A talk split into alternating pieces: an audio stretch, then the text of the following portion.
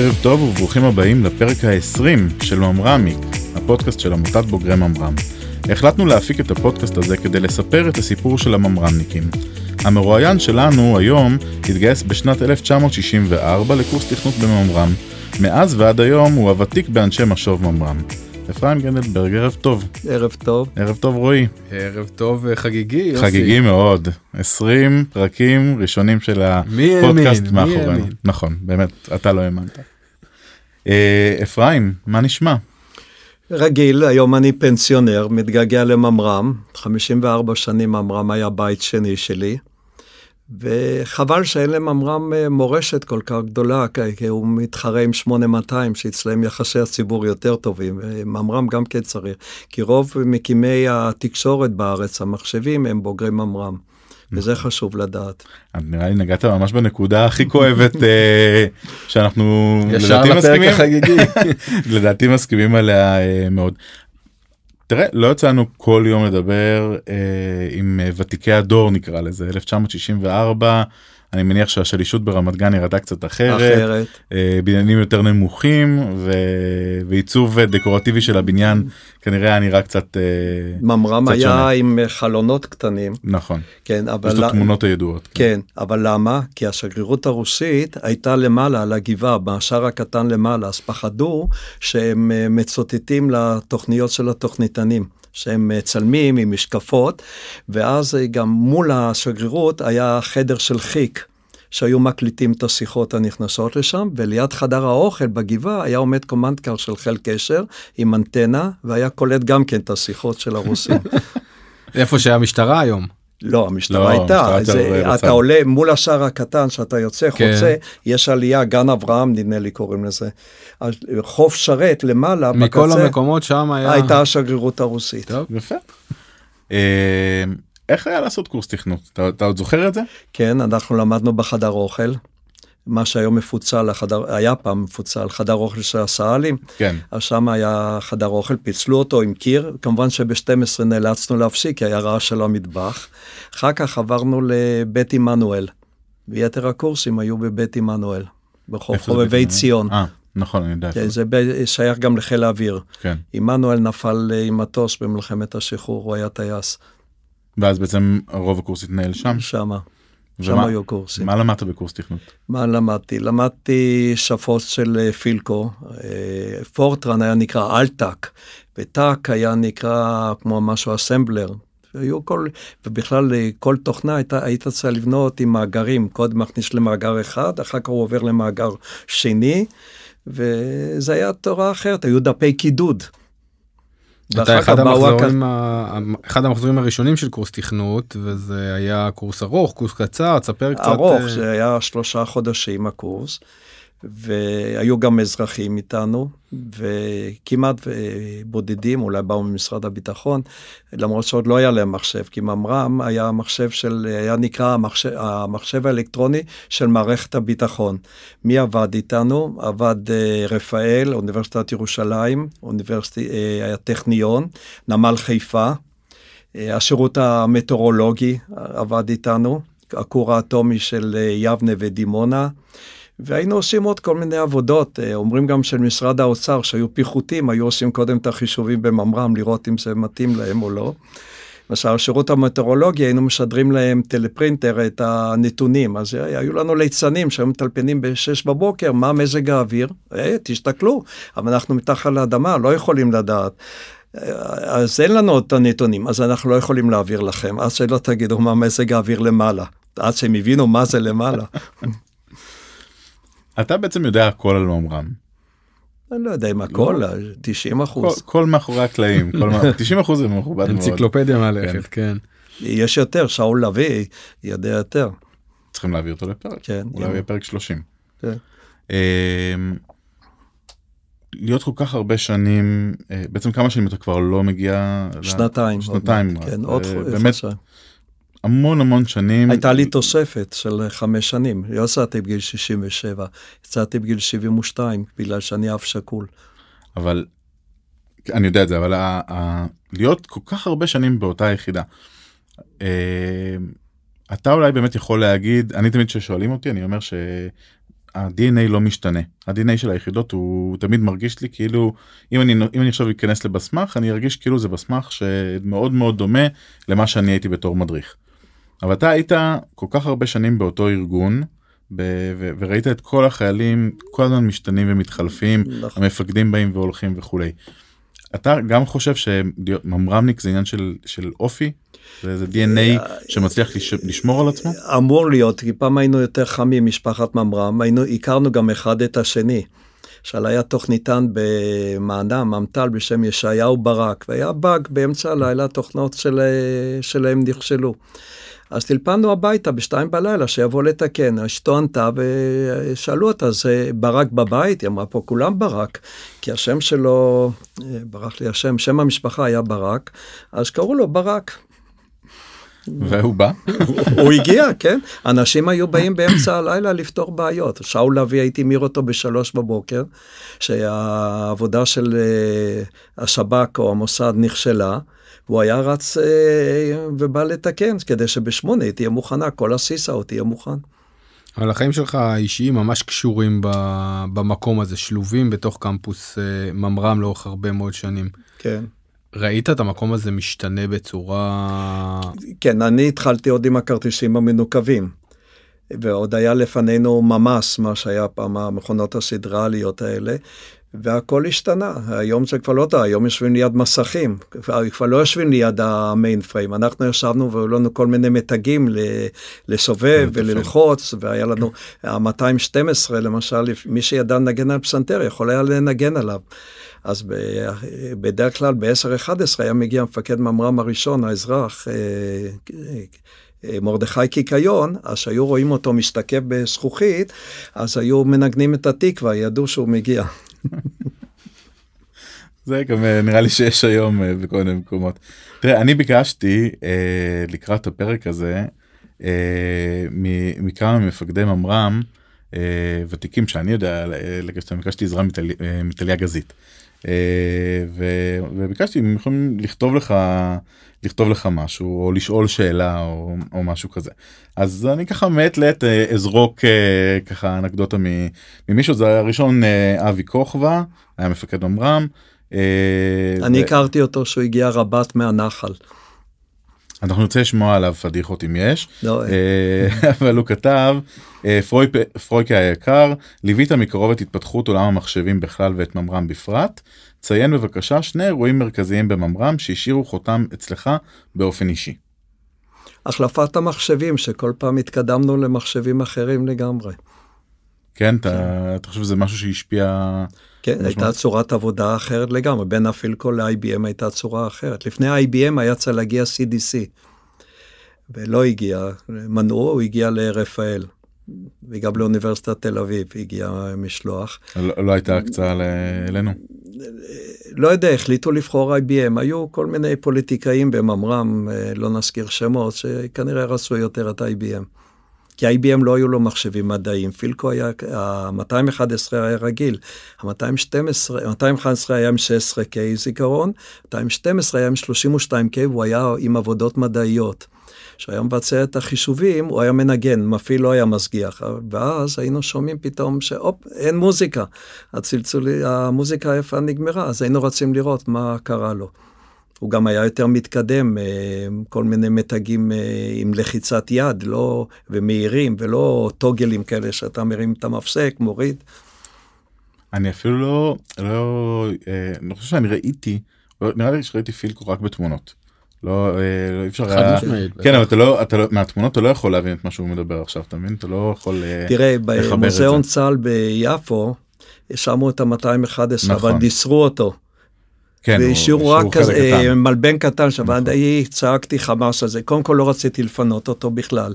היה מפקד ממר"ם צביקה גלייכמן, אז שאל אותי אם לוקחים את המחשב, אמרתי מה פתאום, רצתי, החזקתי אותו בשארית כוחותיי, אבל הסבלים התגברו עליי ולקחו אותו.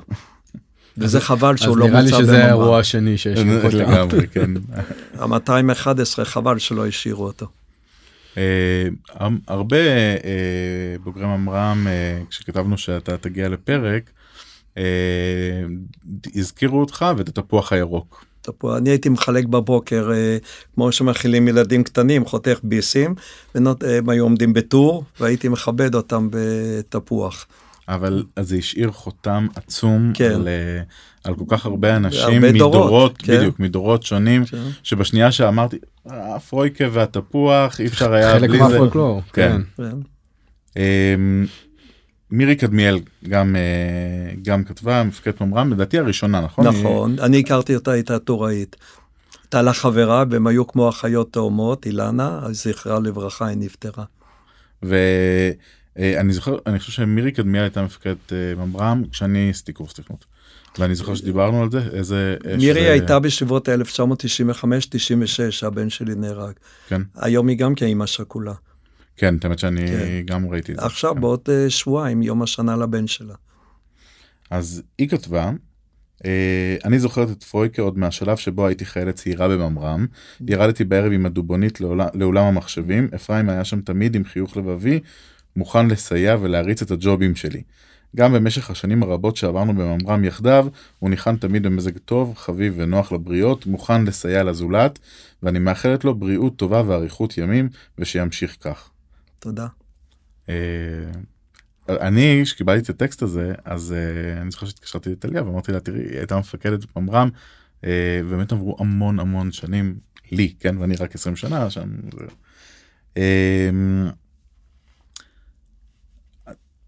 מה בעצם הניע אותך כל השנים להמשיך להגיע למשוב בשעות לא שעות? אצלנו לא קראו לזה אז משוב, קראו הפעלה.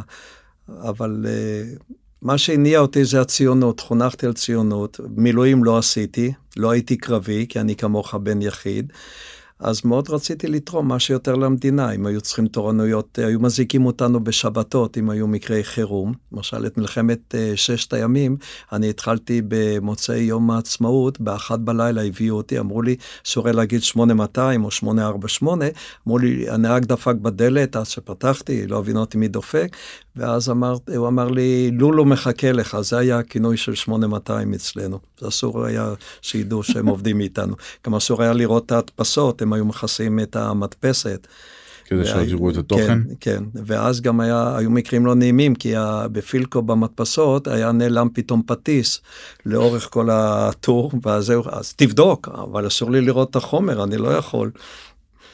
ואז הם היו לוקחים, בודקים ומתלוננים אחרי זה, אני כן, מניח. כן, מקסימום מדפיסים עוד הפעם. היה לי מקרה עם uh, מדען ממכון, uh, לא מכון, uh, הכור האטומי ביבנה. בחור גבוה, פרופסור, בא יום אחד, אני רוצה את הסיסאות, נתנו לו. זה היה בתקופה עוד של גיורא אולמן, נדמה לי, וישראל קורן, זכרו לברכה, גיורא ייבדל לחיים ארוכים. ואז הוא התעצבן, הוא ראה את הבאג, זרק את זה לפח. אחרי כמה שעות הוא מגיע, איפה ההדפשה שלי? אני מחכה שעות וזה, ואז היה ראש הענף זלמן. בא, איפה כולם מחפשים? אין, בסיס האות ריק, אין. אני זכרתי שראיתי אותו זורק את זה לפח, ניגשתי, ראיתי את בפח, אמרתי, אבל לא נעים, מה, אני אוציא לו מהפח? אמרתי, זלמן, קח אותו אה, הצידה אליך לחדר, אני מצאתי את הפח. איך מצאת? כולם מחפשים. אני מצאתי, קח הצידה. הוצאתי את זה מהפח. הסרתי את זה, שמתי על הכיסא וישבתי על זה רבע שעה. אז עבר חום גופי, הנייר התחמם, הבאתי לו, הוא אמר, אוי, זה חם. אמרתי לו, כן, ישר מהתנור, מהמדפסת, היה מבסוט. אחר כך זלמן שאל אותי, תגיד לי, איך מצאת? אמרתי לו, תשמע, כל פרופסור הוא משוגע, אבל לא כל משוגע הוא פרופסור. הבחור הזה בא, הסתכל בחומר, לא ראה עד הסוף, משהו לא מצא חן בעיניו, זרק לפח. במקרה זה היה לידי, אז אני מצאתי את זה. היו לנו הרבה. היו, למשל, היה לנו את אה, סהרון שלח, חתן פרס ישראל, הוא בוגר ממקה. אז הוא היה, הוא גובה מאוד אה, נמוך, ואז יום אחד הוא בכה לי על הכתף, אמרתי לו, סהרון, מה אתה בוכה? אומר, אבא הביא אימא, אישה יותר צעירה ממני. זה היה הבן של יונתן רטוש. מה יש לך לספר על, אה, על דווקא הדור נקרא לזה האחרון. האחרון. גם מכיר לא הם נולדו אנשים. עם מחשבים, עם נכון. ה-PC, עם הלפטופים, הם שולטים יותר בחומר. לא, אם אנחנו התחלנו בשלב התחתון של השולם, בדרגה הנמוכה ביותר, הם כבר הגיעו לטופ ישר. הם כבר יותר שולטים ויודעים איך לשלוט במחשבים ולחלוב אותם כהנאתם. ואיך אתה מתחבר איתם? איזה שפה משותפת יש לך איתם? קודם כל, אני עבדתי הרבה לילות, אז היה להם טוב איתי, כי הייתי נותן להם לישון. זה, הם אהבו מאוד לישון. בחורים צעירים, והייתה לנו שפה בענייני עבודה, דיברנו, ולא לא הייתה התבלטות של אה, אנחנו יודעים יותר או פחות. כן? הם למדו משהו אחר, אני למדתי משהו אחר, בצורה אחרת. הם uh, התעסקו במחשבים, אבל הם לא הכירו את המיין פריים כמו שאני הכרתי מההתחלה. אני חושב ש... היום ש... המיין פריים מאוד מודח בממר"ם, הוא נמצא באיזה חור שאף אחד לא ניגש אליו. נראה לי עדיין מפחדים ממנו. אני, אני זוכר ש... אה, אני עשיתי קורס תכנות לא על מיינפריים, אני סתם על PC ולמדנו כמה, לא אולי 40 שעות מיינפריים בקורס תכנות שאני הייתי, אה, אבל אחרי זה עשיתי את הקורס השלמת מיינפריים, שלחו אותי כדי שיהיה ידע, שהידע ימשיך לעבור, גם אני, גם סיוון חרמון שהתארחה פה הייתה ו... וכולי. ו... ואני זוכר שישבנו וכל המרצים דיברו איתנו על זה שככה זה, זה הבסיס, כלומר זה ה, הליבה ש, של הכל. כן. ואני זוכר שאחרי כמה שנים היה לנו דיון בסמך אם להפסיק ללמד אסמבלר. לא יודע אם הם מלמדים את האמת או לא. נדמה לי שכבר לא. אה, אבל אנחנו ישבנו ואמרנו, אפילו אם נצמצם את זה ונשאיר דברים מאוד מאוד ספציפיים, אנחנו רוצים שהם ימשיכו לדעת את זה, וזה פשוט היה בדיוק מאותה סיבה. ש... ש... שיבינו איך זה עובד. כן. ת... נכון, אתה היום לא צריך לתכנת באסמבלר, אבל כן. תבין איך המחשב באמת עובד. ונראה לי שהיום בתרבות האינסטנט, שכולם רוצים מאוד מאוד מהר להיות uh, תוכניתנים או בכלל כמעט בכל מקצוע אפילו זמרים כן. uh, מדלגים על, ה, על ההיסטוריה הזו ולא יודעים באמת איך הדברים עובדים מאחורי הקלעים uh, ועושים עבודה טובה אבל uh, כאילו חסר איזשהו רובד. Uh, זה זה התחושה שלי ב, בדברים אין האלה. אין כל כך מורשת אני הייתי מספר כמה כמה פעמים הזמינו אותי בבסמך סיפרתי על מורשת ממר"ם. מההחלטה של רבין להקים, עד שהקימו את המחשב, עד שחפרו אותו, למה דווקא ברמת גן. והיום אין את זה, אני לא יודע אם הם יודעים. גם המפקדים הגבוהים יותר לא מכירים, בייחוד אלה שלא צמחו בממר"ם ואני לא גידלתי. כן. אני ממפקד מפקד ממר"ם הראשון היה נקרא ראש ממר"ם מרדכי קיקיון. הוא היה אזרח. הוא היה אזרח, עובד משרד הביטחון.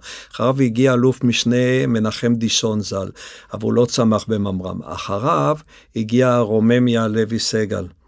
שהוא, אני יודע, הייתי מריץ לו את העבודות בתור תוכניתן בממק"א, בכוח אדם, ברישום אישי.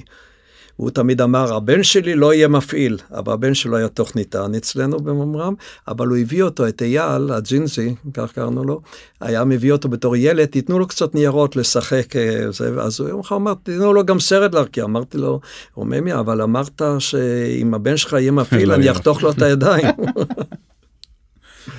ואחריו הגיע משה נדיר, שבא מ... היה מפקד uh, מענה ממט"ל, הוא כבר צירף uh, יותר את המענה, זה היה מרכז עיבוד נתונים, ממט"ל זה מרכז משהו, אני כבר לא זוכר את כל השמות, כדי לקבל, uh, מפקד ממר"ם קיקיון היה על דרגת אלוף משנה, היתר היו על דרגת סגן אלוף.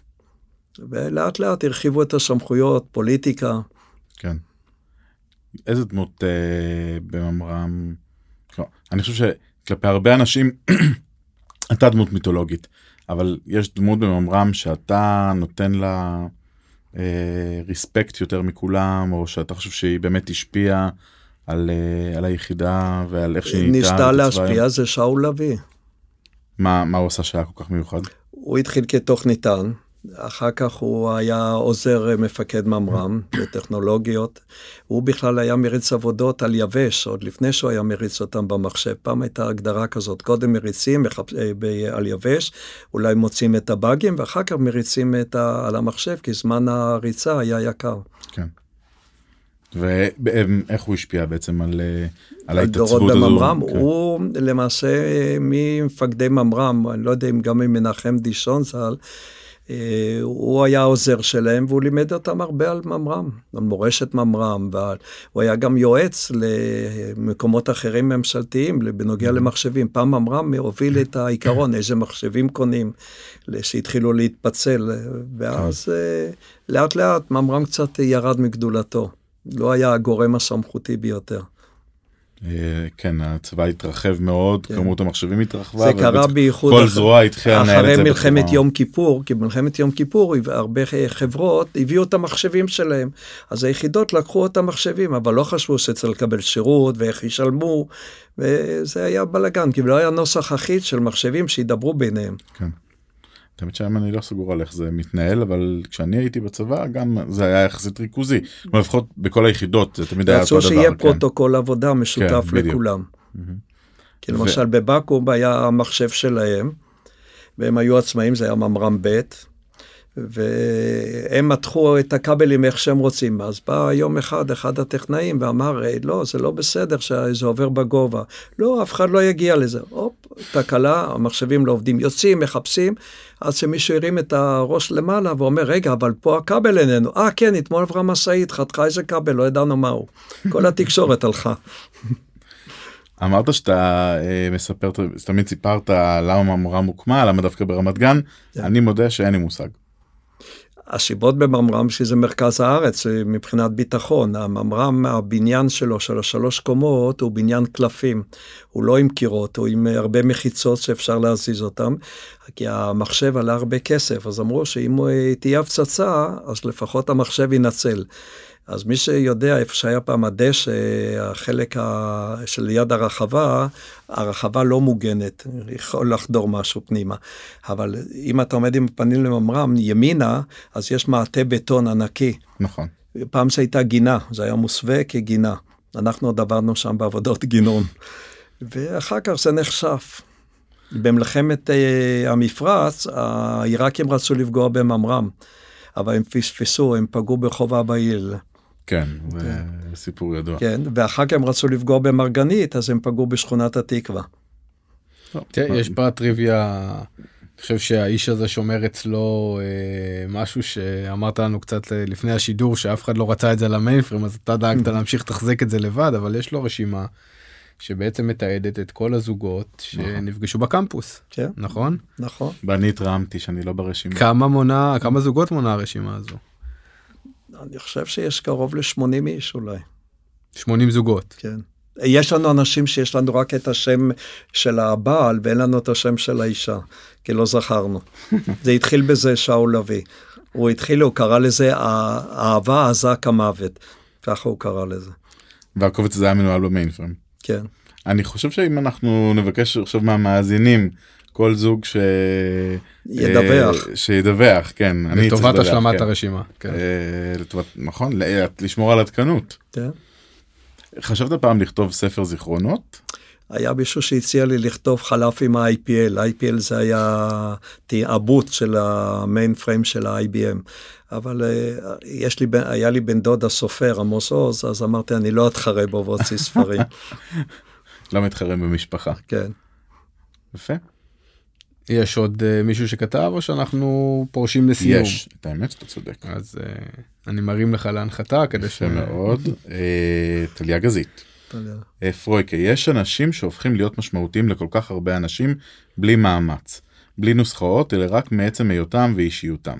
פרויקן נשאר כל כך הרבה שנים בממר"ם, והודות לאישיותו החמה והזיכרון הפנומנלי שלו, שראינו אותו, אנחנו רואים אותו כאן בפרק, שהוא זוכר את כולם ואת כל הקשרים בין האנשים, הוא הפך להיות עמוד השדרה של משפחת ממר"ם.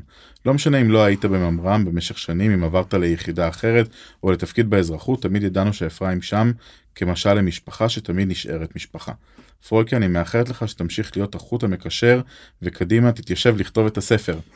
תודה רבה. בבקשה. אני אספר לכם, אברהם, אבי כוכבא בא יום אחד עם איזה חוברת אמריקאית, מראה לי יהודי דתי, עם זקן שחור ארוך, אומר שהוא שירת בממר"ם. שאול אבי אמר, לא מוכר לו. אני הסתכלתי על התמונה, אמרתי לו, כן, זה ישראל לוי, היה אצלנו בממר"ם.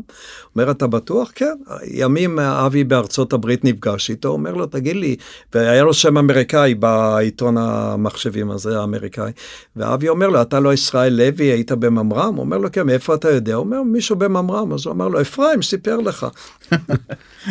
את האמת שעכשיו אני רואה שיש לי עוד, uh, הזכרת את צבי, צביקה גלייכמן, כן. uh, וגם הוא כתב, uh, אז אפרים היקר, אי אפשר לתאר את הבקרים בלשכת ממר"ם בלי הפגישה היומית שלך ושל שאול לביא. כן. זו הייתה בשבילי הזדמנות פז יומית לקבל אינפורמציה, מסרים וסיפורים ישירות מרצפת הייצור. הספר עם ההקדשה האישית שארגנת מבן דודך מלווה אותי ומזכיר את הרגעים השמחים והעצובים בהיכרותנו. שמור על עצמך, הרבה בריאות ואנרגיה לאורך שנים, צביקה. תודה. אני חושב שעם ה... עם, עם מה שצביקה כתב ועם מה שטליה כתבה אנחנו מגיעים לסיום אה, ואני חושב שהדבר שמייצג הכי הכי יפה את, ה... את המהות שלך בסיפור של ממר"ם זה כשפנינו לכל המאזינים ולכל העוקבים של דף הפייסבוק של העמותה ושאלנו את מי יהיה נכון להביא לפרק 20 לחגוג את הפרק ה-20. אני חושב שזאת הייתה תשובה בולטת כלומר נכון. זה, זה, זה קפץ וזעק וזה מראה כמה אתה משמעותי לכל מי שעבר בקמפוס. לא מעט אנשים כתבו לנו ומסרו לחדש ומן הסתם קצרה היריעה מ- מלהכיל את זה פה בזמן תודה לכולם. אז תודה שהצטרפת אלינו בפרק החגיגי הזה. תודה לכם. היה לנו לכבוד. תודה רבה יוסי. תודה רבה, תודה רבה אפרים. תודה. נתראה בפרק הבא.